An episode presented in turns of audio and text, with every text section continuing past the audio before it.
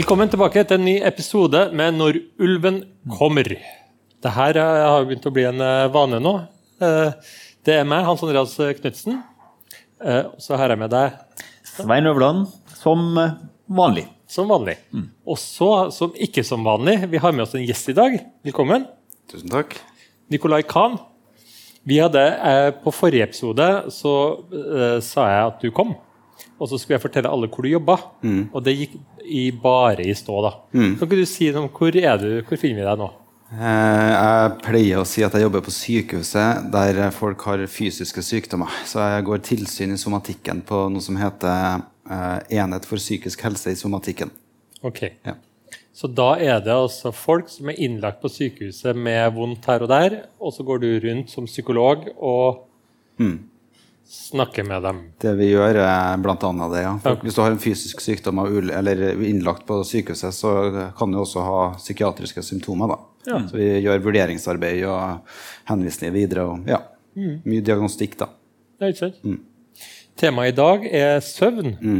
Eh, og du har jobba med søvn òg, du? Ja, og det gjør jeg for så vidt fortsatt. da. Jeg vil bare si det. Vi, vi har også litt poliklinikk der folk som har fysiske sykdommer, bl.a. Sånn smertetilstander, kreftsykdom, som også får søvnvansker, da, som jeg har noe sånn særtilbud for. da. Men jeg har jobba på det som heter Søvnklinikken på Østmarka eh, i ganske mange år, sammen med det her bipolarklinikken. da. Ja. ja ikke sant? Så hvis du har både søvnproblemer, smertelidelse og en psykisk lidelse på toppen, da tenker jeg at det, det er ikke bare gode dager da. Nei, det ligger jo litt i kortene. da. Ja, nettopp. Så det ene kan ofte føre til det andre også, kanskje. Ja. Ja. ja. Det ene kan jo også forverre det andre. og sånne ting. Så det som, er, det som er bra med det konseptet vi har her, er jo det at vi tenkte vi skulle prøve å ta opp te de her temaene da, og så se er det noe eh, Fins det noen verktøy, fins det noen redskaper på eh, hvordan man kan jobbe sjøl med det? Men hvis vi begynner liksom fra scratch, da. Hvis vi tar søvn. Søvn er jo noe vi gjør en tredjedel av livet, nesten. Eh, men vi snakker ikke så mye om det, bortsett fra de dagene vi har hatt dårlig søvn. Da Ja. Da er det mye klaging. Men vi snakker ikke så mye om søvn. Gjør vi det? Hva er, hva er egentlig denne søvnen? Mm. Det er jo, det er jo uh, egentlig et kjempeenkelt spørsmål hva søvn er, og så er det et veldig komplisert svar. da. Så eh, Det er mye lettere å definere mange andre ting, men akkurat søvn er jo det er ikke noe sånn omforent, eh, enhetlig definisjon på det som er lett å bare hente fram fra verktøykassa. For du må fort inn i ok, det er en annen type hjernebølgeaktivitet, det er visse fysiologiske prosesser. Og, og så da er vi veldig fort inn på hvorfor vi sover, og hvilken funksjon og alt mulig sånn. da. Så eh, jeg har ikke noe sånn paratdefinisjon for det. klart egentlig. Det er en veldig god bok som er skrevet som, en, som heter Matthew Walker, som er en veldig god pedagog, men også forsker, da, psykolog, som eh, heter Why We Sleep. Som er flere hundre sider. Så den der, du kan lese den for svaret på ja. søvn. jo- men takk for hjelpa, Nikolai. Det, ja, det, Ja. det, altså det, det jeg husker på studiet, så, så var det, hadde vi det veldig artig med å se på sånne der, øh, grafer med bølge, hjernebølger. Ja. Eh, hvor man så det at Og så hadde vi en eh, hypnograf. Hvor man kunne se at man fort, eh, man fort kunne gå ned i dyp søvn, og så fikk vi se at man da kanskje gikk, ble så mindre tungt, og så kanskje vi hadde noen perioder med drøm osv. Da. Riktig. Og da tenkte jeg sånn Ja, det, det er søvn. Ja, det er jo sant. Og det er jo en eh, god måte å definere det på. En veldig presis måte da vi snakker om sånn hjernebølgeaktivitet og ulike søvnfaser. Men derfor er, der er vi allerede inne i definisjonen av typer søvn. igjen, sant? Ja. Sant? Altså, det, du sover ikke bare på én måte. Nei. Så, eh, så det, er jo mange, det er jo en av tingene vi jobber mye med i behandling, faktisk, er jo eh, hver enkelt person sin definisjon av og forståelse av når sover du. Mm, ja. For det er ganske sentralt da i forhold til noen søvnsykdommer. Jeg husker på, Da jeg studerte psykologi, så hadde vi en sånn lærebok i sånn generell psykologi. Av en sett for Gleitmann, tror jeg. Ja. Ja. Han er, han er ja. Brings back memories. Ja, Ja, ja, ja. Men i hvert fall, han skrev hele kapittelet om søvn Mm. uten å sove. Ja. Så du så liksom kvaliteten på formuleringen på en måte dalt underveis. da. Ja. Men poenget hans der da, var jo at man faktisk klarte seg ganske lenge uten søvn. Ja. Mens veldig mange andre, eller folk flest tror jeg, er ganske redd for søvn. 'Å nei, jeg mistet en natts søvn', på en måte. Ja, det er sant. Mens han klarte jo å skrive et helt kapittel. da. Mm. Eh, og sånn jeg forstår det også, så er jo fordi det han at på en måte hjernen kompenserte med sånne mikrosøvnepisoder eller lignende. Ja. Stemmer det, eller er Det er bare han spesielt? Nei, det tror jeg er riktig. Det er også, men man har jo slutta å gjøre sånne eksperimenter hvor lite søvn trenger. for det er jo litt sånn uetisk. Men jeg tror verdensrekorden i laboratoriet er snakk om 11 eller 12 dager uten søvn. Det, det er jo livsfarlig. sant? Men, men to til tre dager uten søvn vil for de fleste da gå ganske greit. Ja. Sånn, det er jo ikke noe optimalt, men vi klarer det. Ja. Så er jo også veldig avhengig av hvilke lysforhold vi lever under. og sånne ting. Ja, ja, ja. og sånt. Det er nok verre å gjøre det i mørketida enn Ja, og klart Hvis du ikke får sove fordi du er i krigen, så er det også andre ting som skulle si er på en måte årsaken til at du har et problem. ja. Så det er veldig, veldig, søvn er jo veldig kontekststyrt òg, da. Mm. Ja. Jeg synes, det der syns jeg er så fascinerende. Jeg hadde en sånn liten periode hvor jeg leste om eh, litt sånn ville psykologiske forsøk man gjorde på 50- og 60-tallet. Eh, og blant annet med søvn. da. Og da var det i en som ble holdt eh, typ sånn eh, ja, 11-12 dager. Jeg tror det var 400 timer jeg på det meste. Jeg er litt usikker. Det var en, en 17-åring stakkars, som de holdt våken. da. Eh, og det de gjorde, de fikk han til å gå hele tida.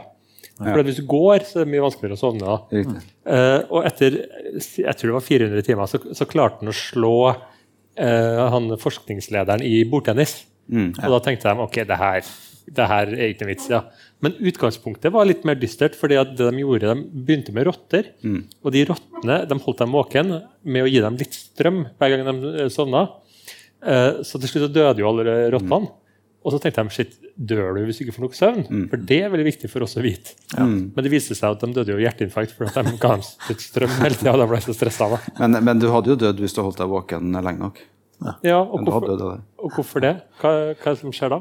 Uh, oh, den rene fysiologiske prosessen er jeg litt usikker på. Men jeg, nå, nå spekulerer jeg, men jeg antar jo i hvert fall ut ifra eh, sånn bare med kunnskap om funksjonene til søvn at det er jo hjertet blant annet, det er veldig hardt for blodtrykk. da.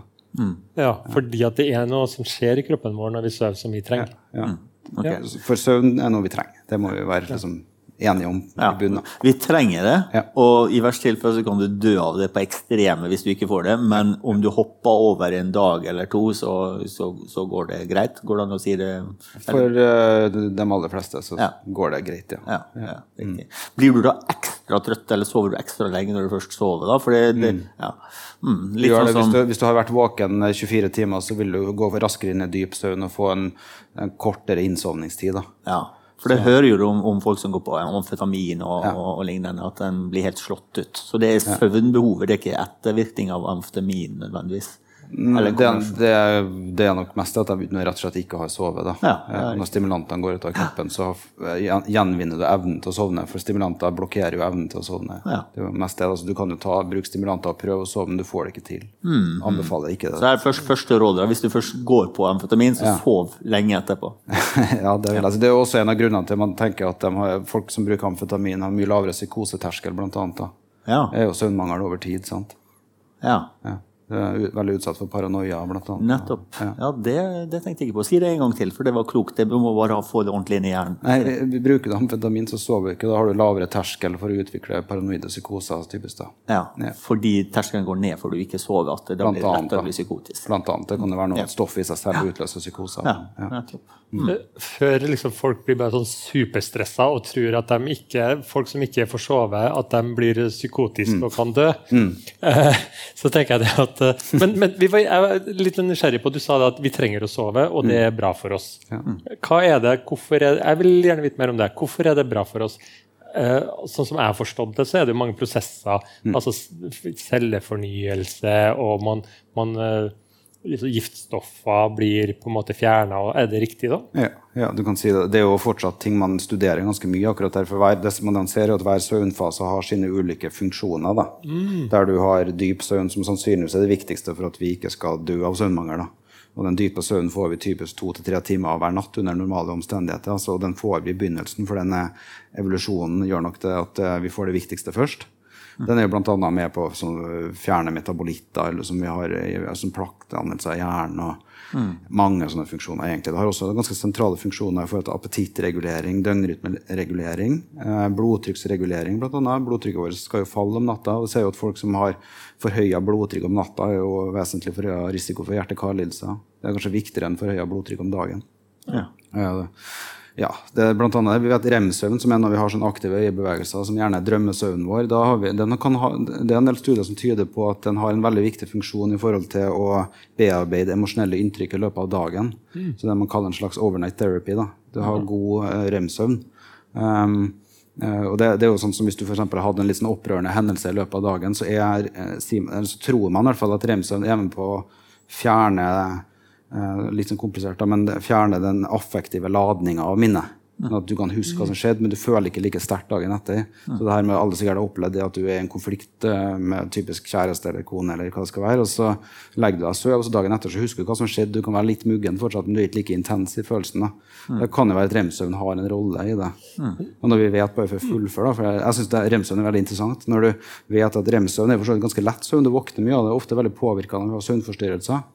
Og så vet vi at mange med søvnforstyrrelser får også litt sånn humørpåvirkning. At man blir litt sånn, litt sånn eh, jittery, litt engstelig. Sant? Litt sånn som det å være bakrus. Som for øvrig også påvirker rem-søvn. Eh, alkoholdrikking. Eh, så, så, kan man jo tenke at det, det å ha forstyrra rem-søvn, som vi ofte møter i klinikk da, At det er ikke dype søvn vi møter som er problemet, men det er gjerne folk som har eh, oppstykka nattesøvn utover natta. da. Mm. I tillegg til at noen av medisinene vi forskriver, kan jo også påvirke rem-søvn. Jeg, jeg, vet ikke helt om jeg er så enig i at uh, man våkner opp om morgenen, og så er man ikke så uh, følelsesmessig lenger. Var, jeg hadde en dame som uh, drømte at jeg gjorde noe galt mot henne i, i søvne. Så våkna jeg opp, og hun mm. var forbanna på meg. Altså. ja, det du drømte, det hadde ikke så mye å si. Nei, nei, nei det kunne ha skjedd. Ja. Jeg håper jo etter hvert klart å skille. Jo, jo, det, det gikk det ordna seg til slutt. Ja. Men, men, jeg har også hørt det at hvis du har opplevd noe traumatisk, det var mm. spesielt under eh, 22. juli, mm. eh, så, var det, så var et råd de fikk ikke gå og legg deg rett etter ja. du har opplevd noe vanskelig. Ja. Men ville ikke det ut ifra det du sier, være veldig lurt? Eh, det kan, eh, for det kan også være sånn at eh, søvn konsoliderer minner. Da. Mm. Sånn at i, i et traumeperspektiv så er det jo noen teorier. da, det er jo ikke godt evidensbasert behandling, egentlig. Men det er teorier om at eh, ved å holde folk våken, så vil, de, eh, vil du ikke konsolidere minnet så godt. da, For problemet med traume er jo veldig sjelden at du har glemt ting. Det er jo ofte at du husker ting for godt. da. Mm. Så eh, det kan være en teori, men det er jo ikke så veldig godt forska på, egentlig, det der. Jeg syns det, det, er fascinerende at vi, vi bruker så mye tid av livet vårt på å sove, mm. og så vet vi så lite om det. Mm. Ja, vi vet veldig mye om det, men det er hele tiden nye spørsmål som dukker opp. Ja, ja. Men, men, det som jeg ikke har tenkt på før, er jo egentlig det du sier her nå, at hver søvnfase da, har sin forskjellige funksjon. Og det viser jo egentlig hvor genial søvn er. da. Mm. For det er, ikke en, det, det, er på en måte én ting med, med, med, forskjellige ting da, som løser forskjellige problem. da. Mm. Mm. Og, og, som du sier, eh, kanskje før så var man veldig opptatt i forhold til medisinering, f.eks. At folk mm. må sove. Men så f.eks. for eksempel, folk som drikker for å sove eller får medisiner for å sove, de kan mm. få innsovning, men så ødelegger det for andre ja. funksjoner som, som, som, søvn har. Ja, så alkohol, for eksempel, det er mange som, det er bare begrepet a nightcap, f.eks. Mm. Mm. Det er jo for, for, å sovne. Mange bruker jo det som innsovning, og det er jo riktig at jo mer du drikker, jo fortere sovner du. Det har de vel de fleste erfart, tenker jeg, at når du kommer hjem fra byen, at det tar et lang tid før du sovner. Eh, problemet er jo at den totale mengden av dyp søvn reduseres av alkohol. Så den viktigste søvnkvaliteten din, eller søvnfasen din, da, mm. den forringes. Og så får du mer tid i lett søvn og flere oppvåkninger. Og det er jo også fordi at alkohol brytes jo ned i kroppen. og sånn meta metabolske prosesser er jo en aktiv fysiologisk prosess. Mm. Så det setter jo i gang systemet. Og det er litt det samme som du skal helst ikke spise store måltider rett før du legger deg, fordi at du aktiverer systemet. rett og slett. Mm. Uh, men der vil jo det være en sånn ting at du, hvis, hvis, du drikker da, for å regulere søvnmønsteret ditt, så vil du ofte oppleve at det fungerer så godt fordi at vi er så opptatt av innsovning. Mm. Men som søvnbehandler og søvnforsker så tenker man jo søvn som mye mer sånn komplisert sammensatt enhet, og vet at helseskadene av et sånt type søvnmønster som alkoholavhengige blant annet, har, eller folk som drikker for å sove, rett og slett, er jo egentlig ganske skadelig for dem. Mm. mm. Og, så, og, så, er det jo også, som Hvis du spør alkoholavhengige, da, er jo hva den viktigste årsaken til at du drikker. Hvis du tenker på hvilken funksjon av alkohol, så er det det hyppigste i amerikanske populasjoner, det tror jeg stemmer i Norge også, at, er at jeg drikker fordi at jeg sover dårlig. Mm. Det er den viktigste funksjonen. Jeg sover så dårlig. Og så vet vi også at eh, når alkohol gir dårlig søvn, så du kommer på en måte aldri helt ut av den spiralen. Mm. Mm. Ja. Vi, vi skled litt ut på, ja. på, definisjonen her. Men hvis vi går videre, også, hva, hva, er på en måte jeg er nysgjerrig på hva er de vanligste utfordringene folk har i forhold til søvn. Mm. Og, så, og, så, begynner vi å bevege oss litt mot og hva kan vi gjøre med det? Hva kan folk hjemme gjøre uten at de trenger å komme og banke på døra di? Mm, altså Den vanligste da, eh, i eh, sånn klinisk forstand, det er jo det som er mitt Jeg møter bare folk som uh, har selvopplevde problemer av litt sånn betydelig karakter. da. Men det vanligste er nå insomni, da, som er søvnløshet sånn i sin enkle forstand. Det vil jo enten være eh, Hvis man skal definere det sånn presist, så er det jo at du har innsovningsvansker, oppvåkninger eller tidlig morgenoppvåkning mer enn tre ganger i uka over en tre ukers periode. da. Mm. Um, de fleste jeg har møtt, dem har jo hatt det over år. sant? Men uh, um, det, er det, det, er det, som kjennetegner insomni. Og, at du får en sånn, og der er det ikke satt noen sånn grense for hvor mange timer minimum eller maksimum for å få diagnosen, det er, det er subjektivt. sånn at eh, det er din egen opplevelse å ikke få nok søvn mm. er ganske sentral her. da. Mm. Så det, der har man ikke Og det, det er jo for at, nettopp fordi det er så store individuelle forskjeller hvor mye vi trenger, så man har funnet at det er nok best å se på vår, din egen opplevelse. da. Ja. Men, men, er det noen spesielle grupper av folk som sliter mer? Er det typ folk som er mer engstelige, har også større problemer med å sove? Eller er det de som ja, det, er mye inaktive, eller? Det er ikke så lett å si at det er én gruppe som skiller seg spesifikt ut, for det er veldig mange grupper. Ja, okay. Eh, du kan si én av fire vil i løpet av livet kunne kvalifisere for en diagnose insomni. Mm. Så, ja. så, det er jo, et, er jo sånn sett et, et folkehelseproblem. da. Eh, noe av det kan jo også handle om hvordan vi lever livet vårt. altså det at Vi jobber skiftarbeid, bl.a. treskiftsturnus. Det kan jo være en kjempeutfordring for mange, særlig når vi blir litt eldre. Um, og man har hatt veldig mange sykepleiere i behandling. Sant? En veldig høyfrekvent gruppe. Så det kan være en sånn risikogruppe, egentlig. Ja. Folk som jobber turnus. da. Uh, men, men det er jo, har du smerter, har du alvorlig fysisk sykdom, har du psykiske lidelser, det er jo kjemperepresentert for uh, søvnvansker. sant? Og, uh, mye stress ja, you name it. Så det, det, er veldig veldig mange som rammes av det. Mm. Okay. Ja. Og jeg husker da du var her uh, sist. Mm. Uh, så, så, så, husker jeg at vel, vi fikk mange spørsmål, og det kan ikke vi få nå. da. Mm. Men veldig mange av, av spørsmålene svarte du på som kan, kunne tyde på at veldig mange ting som folk trodde da, om mm, søvn, mm, ja. ikke var sant. Riktig. Blant annet mye av de råda du finner i mm. aviser og sånn. Ja. Eh, så liksom for, for, for, i forhold til det Hans Andreas sier, i forhold til råd og for folk flest da, ja. Hvis det er én av fire, det er jo fryktelig mange folk, da, så du må, må nesten regne med at mm. du får problemer en gang i livet da. Og, og hva, hva, gjør du da, liksom? Mm. Ja, altså, si det vanligste rådene vi har vokst opp med alle sammen, det er jo, det er jo kanskje vi har hørt litt på bestemora vår, eller vi får noen sånn tips og plukker opp noen ideer og konsepter om søvn ofte, som til dels er jo fornuftig, men det virker nok ikke like godt når du først har fått et problem. Det vanligste er jo at du skal legge deg til samme tid hver dag. Mm. Eh, og du må huske å få nok søvn og huske å hvile mye. Eh, legg deg sånn at du får nok tid til å sovne på. og Hvis du ikke får sove, i hvert fall ligge litt så du får hvile kroppen. Det er en del sånne antagelser som gir for så vidt mening, da, men, eh, men som dessverre er med på å forsterke problemet veldig ofte. da. Det kan også være at du må ha sovemedisiner for å få det her til å fungere. At søvnsenteret ditt er ødelagt. og det er mange sånne antakelser folk har. da. Mm. Eh, så det, det, er jo det vi bruker veldig mye tid på i behandling, er å gi en helt sånn faktabasert informasjon om hva søvn er, og litt sånn som vi snakker nå, egentlig, bare litt mer detaljert. Mm. Eh, fordi det, det er nødt til å være en sånn eh, god forståelse for hva søvn er, og hva som virker, før vi helt tatt gjør noe behandling. Da. For behandlinga kan være litt sånn tøff, da. Mm. Krever litt. Mm. Ja, okay, og jeg har hørt uh, hva den behandlinga er. Kan ikke du si noe om det? Ja, Det er jo insomnibehandling. Det er jo, en, det, er jo det vi kaller en kognitiv atferdsterapi for insomni. Da. Så hvis du googler det, så er det ofte kalt CBTI. Da. Uh, det er en behandlingsform som uh, altså Det er jo ikke en sånn tenk deg trøtt-behandlingsform. Det, det, er ikke det. Vi snakker ikke folk trøtt i timen, eller det kan jo være, men det er ikke meninga det, da. Så en kjedelig psykolog? Ja, det, det, det er om å være litt på, da. vet du. Men eh, folk kommer jo ofte ganske trøtt i timen, også, så det er jo ikke så vanskelig å få til det.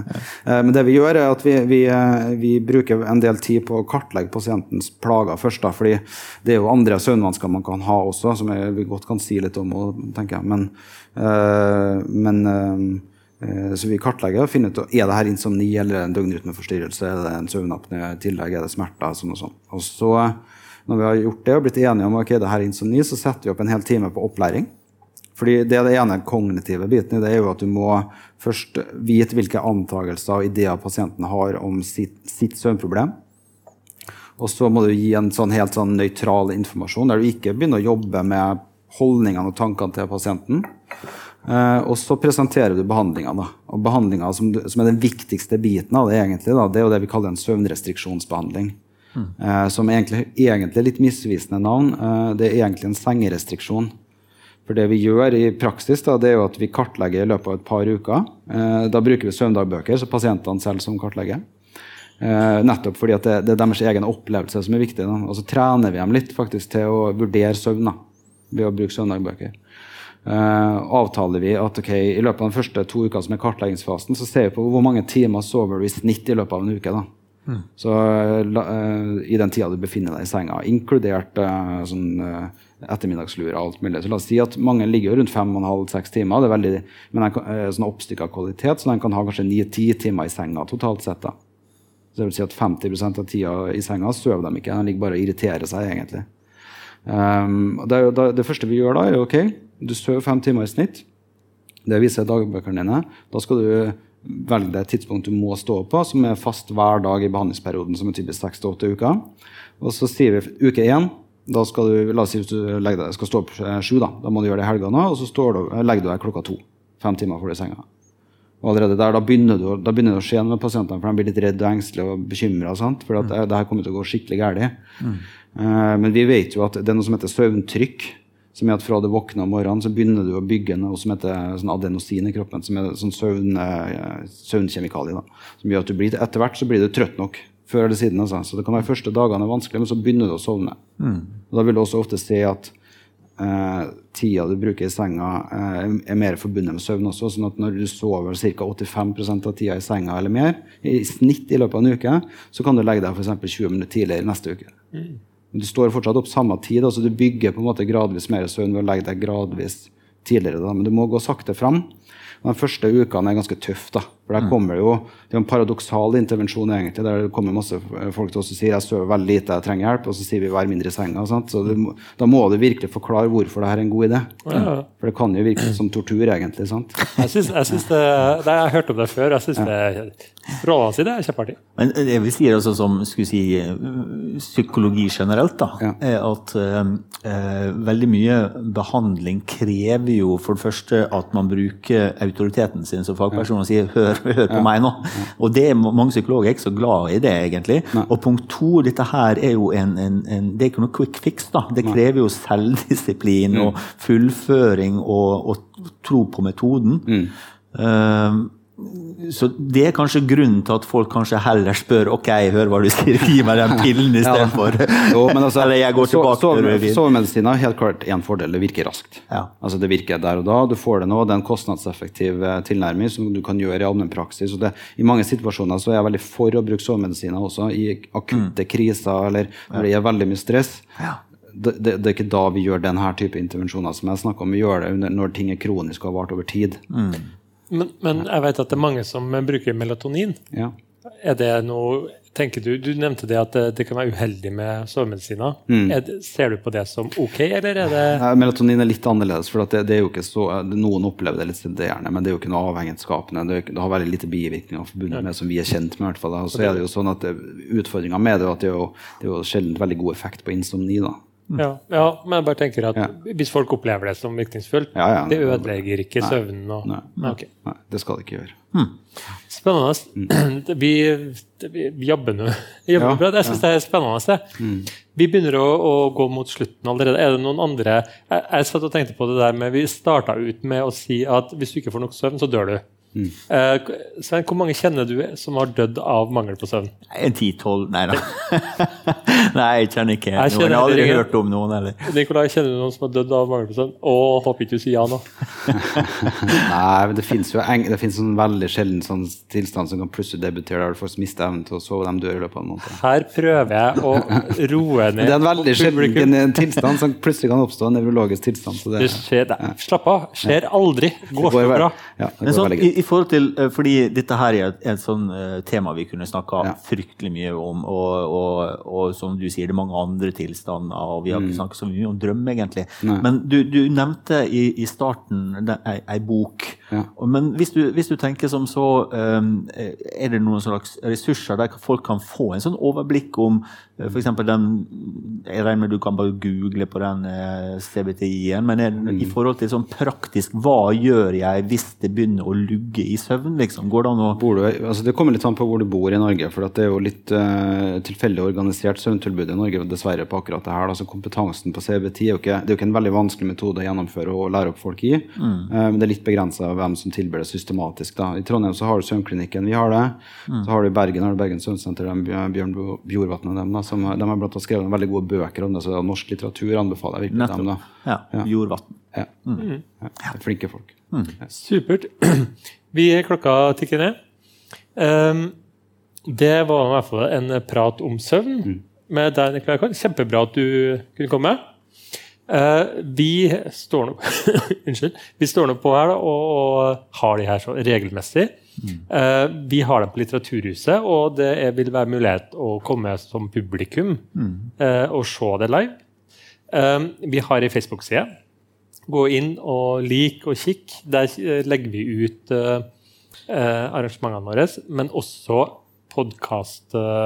podkastepisodene våre. For det som skjer, er at vi tar lyden av det vi har snakka om her nå, og legger ut som podkast. Greit. Til neste gang. Takk for oss. Ha det bra.